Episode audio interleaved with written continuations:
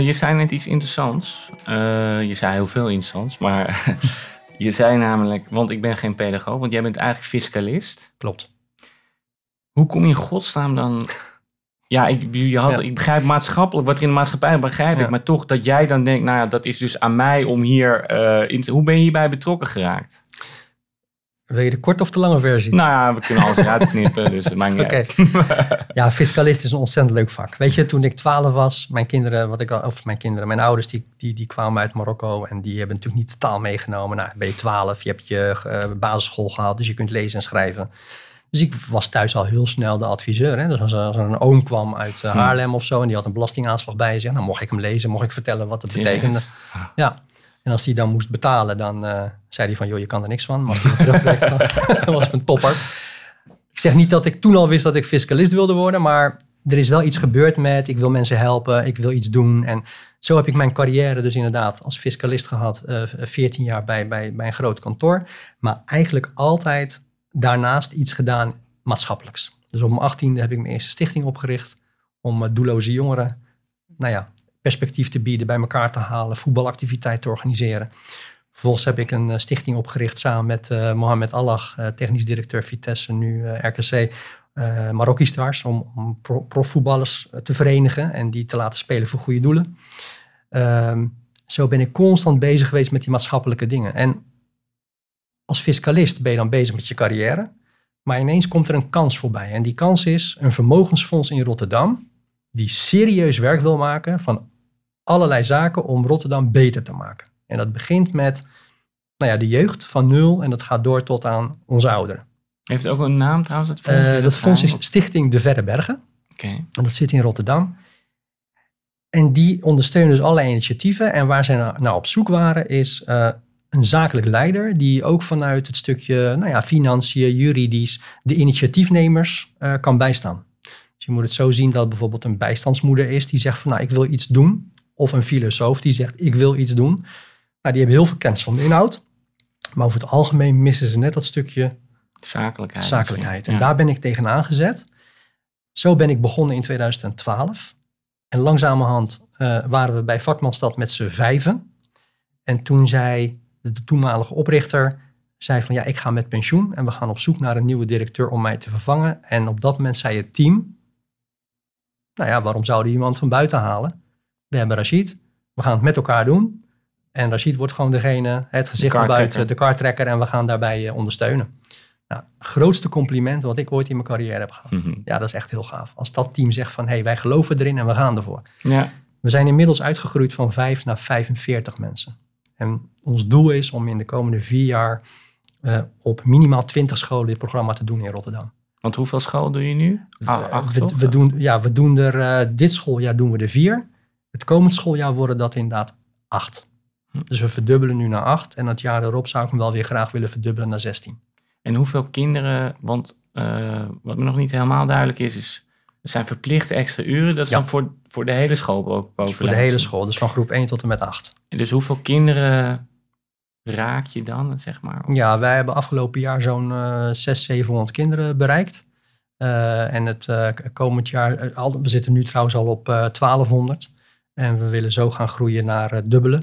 Waarbij we dan in eh, vier jaar groeien naar ruim, eh, moet ik het even goed zeggen, in lesuren zo'n 12.000 lesuren gaan doen.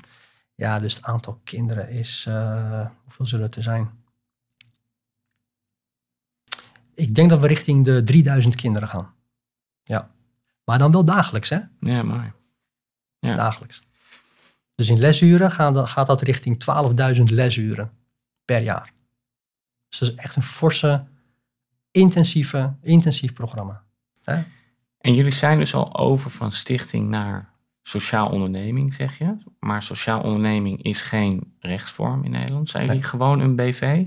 Nee, we blijven altijd een stichting. Je blijft altijd ja, een stichting. dus ook, ook als eh, sociale ondernemer willen we Ja. dat in de stichting blijven vormgeven. Ja. Ik heb jou leren kennen in een ondernemersprogramma, hè, waar Ja. ik ehm begeleid of mentor was. Ehm, en ik vind het altijd interessant, stichting en ondernemen, dat is eigenlijk, eh, hoe zeg je dat? Juridisch gezien klopt dat niet, hè? Want, eh, eh, maar ik denk, maatschappelijk gezien wel, want je, je hoe zeg je dat? Je, ja, laat ik, het, laat ik hem aan jou vragen. Van, in, in welke mate zie je jezelf als ondernemer? Ik denk dat je dat kunt vergelijken met de, de musea in Nederland die het eh, lastig vinden om hun eh, ticket laag te houden.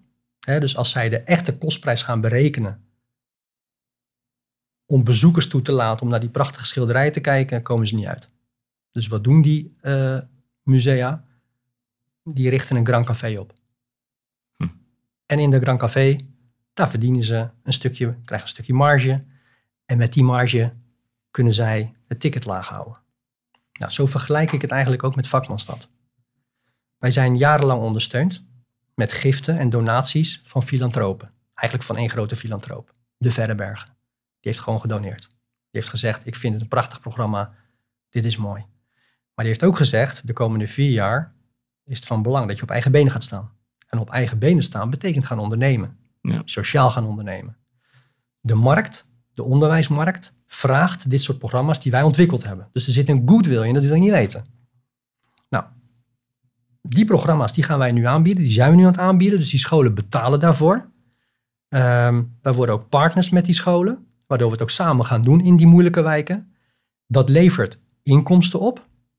En met die inkomsten kunnen wij het programma weer verbeteren.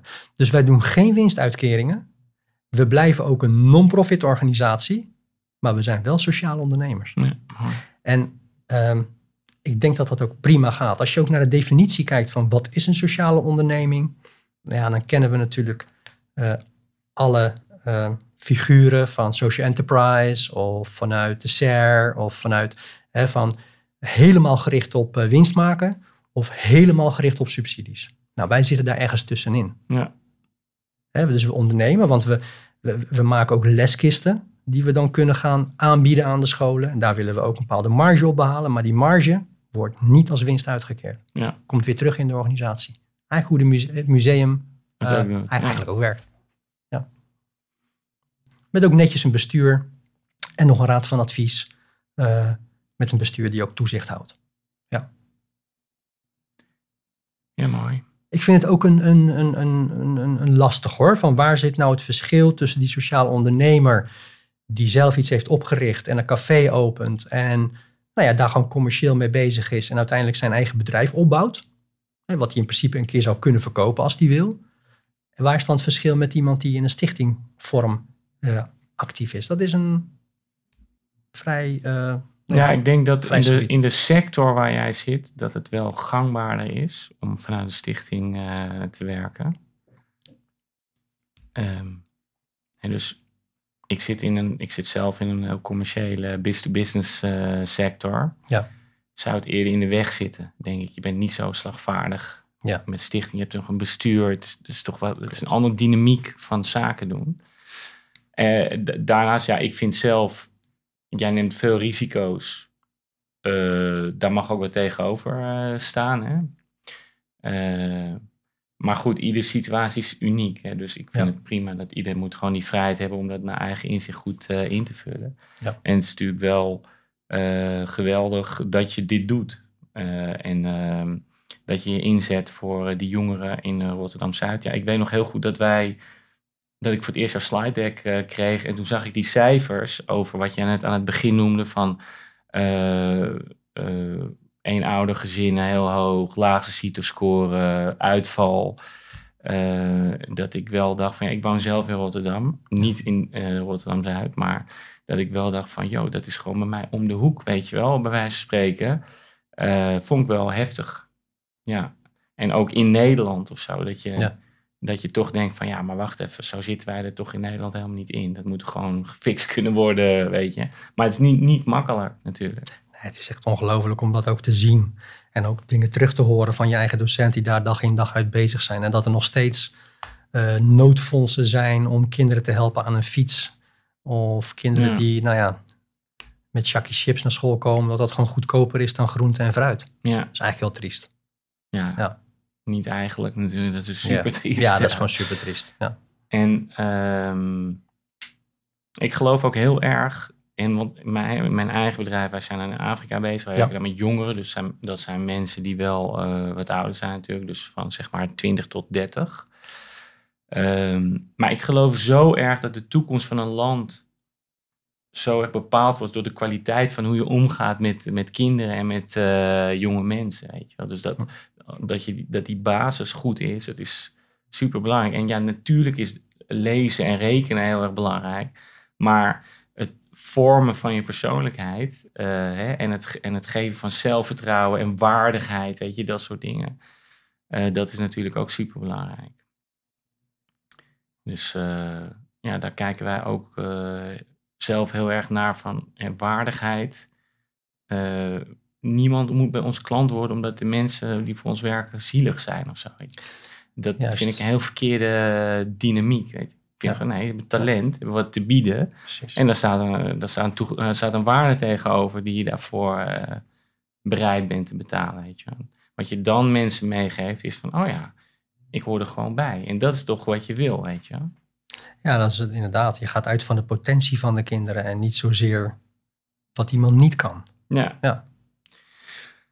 Ehm, wat ik ook interessant vind, eigenlijk is om te hebben over jouw eigen persoonlijkheid en hoe, da- hoe je dat dan terugziet in jullie eh, bedrijfscultuur eh, misschien. Dus misschien kun je iets zeggen over, eh, ja, wat is eigenlijk jouw stijl? Tja. Ik, in principe praat ik niet veel, maar luister ik vooral. Ja, dat nu bij een podcast moet het even natuurlijk.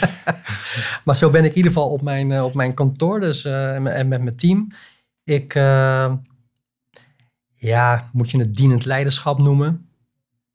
Ik vind, weet je, je moet mensen wel in hun kracht eh, eh, zetten. Dat is natuurlijk een eh, term, hè, weet je wel, iedereen gebruikt die, maar kijk bijvoorbeeld naar mijn bestuursvergaderingen ja, die doe ik niet alleen. Weet je? Dus als er een belangrijk punt staat over personeelszaken, dan neem ik mijn collega mee die daar veel meer over weet dan ik.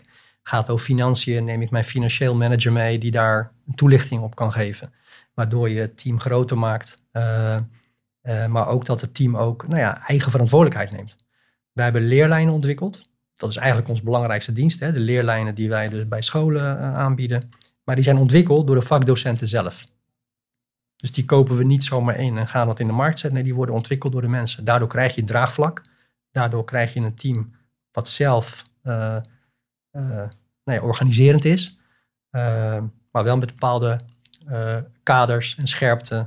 En ik kan ook heel streng zijn. Ja, dus ik uh, ooit een keer ook in Amerika geweest en zag ik een mooi uh, beeld van, uh, volgens mij was het Lincoln. En die had één hand had die plat en eentje had hij zo met zijn vuist op tafel. Nou, dat, ik denk dat dat ook wel Rashid typeert. Ik denk dat ik heel zacht kan zijn, heel aardig kan zijn. Maar als je de kantjes ervan afloopt, heb je bij vakmanstad niks te zoeken. Nee, heb je daar echt niks te zoeken. En nou, gelukkig heb ik al nog niet heel veel hoeven mee te maken. Want vakmanstad ja, trekt toch wel mensen aan met een bepaald idealisme. Weet je, ze komen echt bij vakmanstad werken omdat ze iets willen doen aan eco-wijsheid, aan mediawijsheid, leerlingen iets willen bijbrengen. Uh, het gaat om het sociaal-maatschappelijke. En dat is wat zij, uh, wat zij graag willen doen. Want hoe kijk je naar de toekomst? Nou ja, wat we nu willen is dat we dus uh, op eigen benen komen te staan. Dat betekent dat we het schaalbaar moeten gaan maken. binnen vakmanstad hebben we een soort van doorrekening gemaakt van hoeveel scholen moeten we bedienen.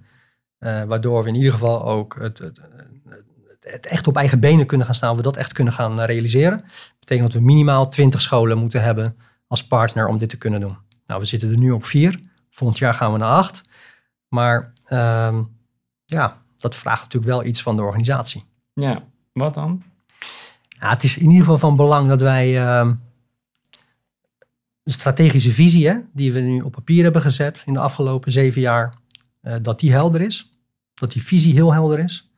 Uh, dat de kernwaarden die erbij horen, dat we die goed hebben uitgewerkt. En dat dat breed in de organisatie uh, wordt gecommuniceerd. Hè, dat we echt die, die kant op gaan. Dat het duidelijk is dat we naar een sociale onderneming gaan. En dat dat iets vraagt van de vakdocenten. Hè. Daar waar ze voorheen hun lesje afdraaiden, meewerkten met de leerlijnen, was voldoende. Nee, nu moeten ze ook ja, commercieel denken. Dat is iets nieuws. Dus zij zijn eigenlijk ambassadeurs op die scholen. Um, en dat vereist een stukje professionalisering. Niet alleen van de vakdocenten, maar ook mensen op kantoor. Dus die het bouwen van die professionele organisatie, Dat zie ik echt wel als een cruciale eh, factor om te kunnen opschalen. Ja. Ehm, ja, je hebt een heel sterk team nodig. Ehm, en voor de rest denk ik dat het belangrijk is om ook goed te kijken van hoe kunnen we voldoende financiële middelen genereren. Dus daar waar we vroeger geld meenamen van de Verre Bergen naar een school toe als donatie om iets te kunnen betekenen, moet je het nu echt gaan verkopen. Ja. Want het geld van de Verre Bergen komt zometeen niet meer, maar dat moeten de scholen eh, compleet opleveren. Dus ja, je hebt echt iets te verkopen. Uh, dus die financiële middelen zijn van belang. Ja, en het aangaan van samenwerkingen. Want dit kunnen we ook niet alleen. We zitten in een, in een ecosysteem met uh, gemeenten, met beleidsmakers, met uh, schoolbesturen, met de wijk, met ouders, leerlingen zelf. Dus je zult echt die samenwerkingen aan moeten gaan, bedrijfsleven. Uh, en daar moeten we ook oog voor hebben en ook tijd voor maken om, om goede samenwerking tot stand te brengen. Ja, en het laatste is denk ik wat heel belangrijk is, is een stukje legitimiteit. Waarom doe je dit? Is het legitiem? Waar sta je dan voor? En dat we dat ook vasthouden. En zeker ook in onze communicatie. Ja. Dus eigenlijk nou ja, vijf items uh, waar we echt heel hard op gaan inzetten. Want hoe oud ben jij? 48. Dus zeg maar over 20 jaar of zo ga je met, mag je met pensioen in Nederland. Um, ja. Wat, uh, ja, wat was je droom? Ja, dan, dan, kijk ik, dan kijk ik terug hè, en dan denk ik van, nou, dat hebben we toch wel mooi gedaan zo met Vakmanstad. En, en, en die ideeën die we toen hadden om eigenlijk op drie fronten op te schalen op het systeem, in de diepte en in de breedte. Dat we dat hebben voltooid. Wat bedoel ik met de breedte? Meer kinderen bereiken, meer scholen en meer ouders. Dat is in de breedte. In de diepte hebben we een supergoeie kwaliteit neergezet. Dus die, die, die, die programma's van ons, die zijn niet alleen bewezen effectief, maar het zit gewoon echt goed doordacht in elkaar. Weet je wel, dat we dat in de diepte nog mooier hebben gemaakt. En, en, en, en, uh, maar dat we met die scholen, met die minimaal 20 scholen, dat we een dusdanige bewezen praktijk hebben, dat eigenlijk iedereen kan zien van, hé, hey, maar dit levert echt wat op. Los van de wetenschappelijke monitoring, maar dat, dat, dat, dat, het ook merkbaar is, hè, dat het ook echt merkbaar is, dat je daarmee ook het systeem hebt uh, kunnen veranderen. En dat scholen zometeen niet alleen maar met een PABO-docent het klaslokaal ingaan, 24 leerlingen hebben, deur dicht en dit is mijn rijk. Nee, we hebben dan vakdocenten die goed zijn in techniek. We hebben filosofie. We hebben uh, judoka's in de school. We hebben allerlei vakdocenten die een vak hebben geleerd, echt een specifiek vak, waardoor we de skills kunnen meegeven aan die kinderen waar ze later wat aan hebben. En dat gaat dan samen op en dat wordt dan het nieuwe onderwijssysteem. En dat, en dat ik dan op mijn 68 kan zeggen, nou, daar heb ik toch een klein beetje aan bijgedragen. Mooi man. Nou, ik vind dat een heel mooie afsluiting uh, van dit gesprek, uh, Rashid. Dus super bedankt en heel veel succes. En als er iets is wat ik kan doen om jullie te helpen, dan uh, zou ik het heel graag doen. Want ik denk dat er heel veel mensen in Rotterdam zijn die dit een warm hart toedragen. Dus waar kunnen ze je op bereiken? www.vakmanstad.nl en dan dus rashid.vakmanstad.nl heb je direct het e-mailadres. Helemaal goed. Dankjewel. Succes man. En Nesto, dankjewel voor je uitnodiging. Música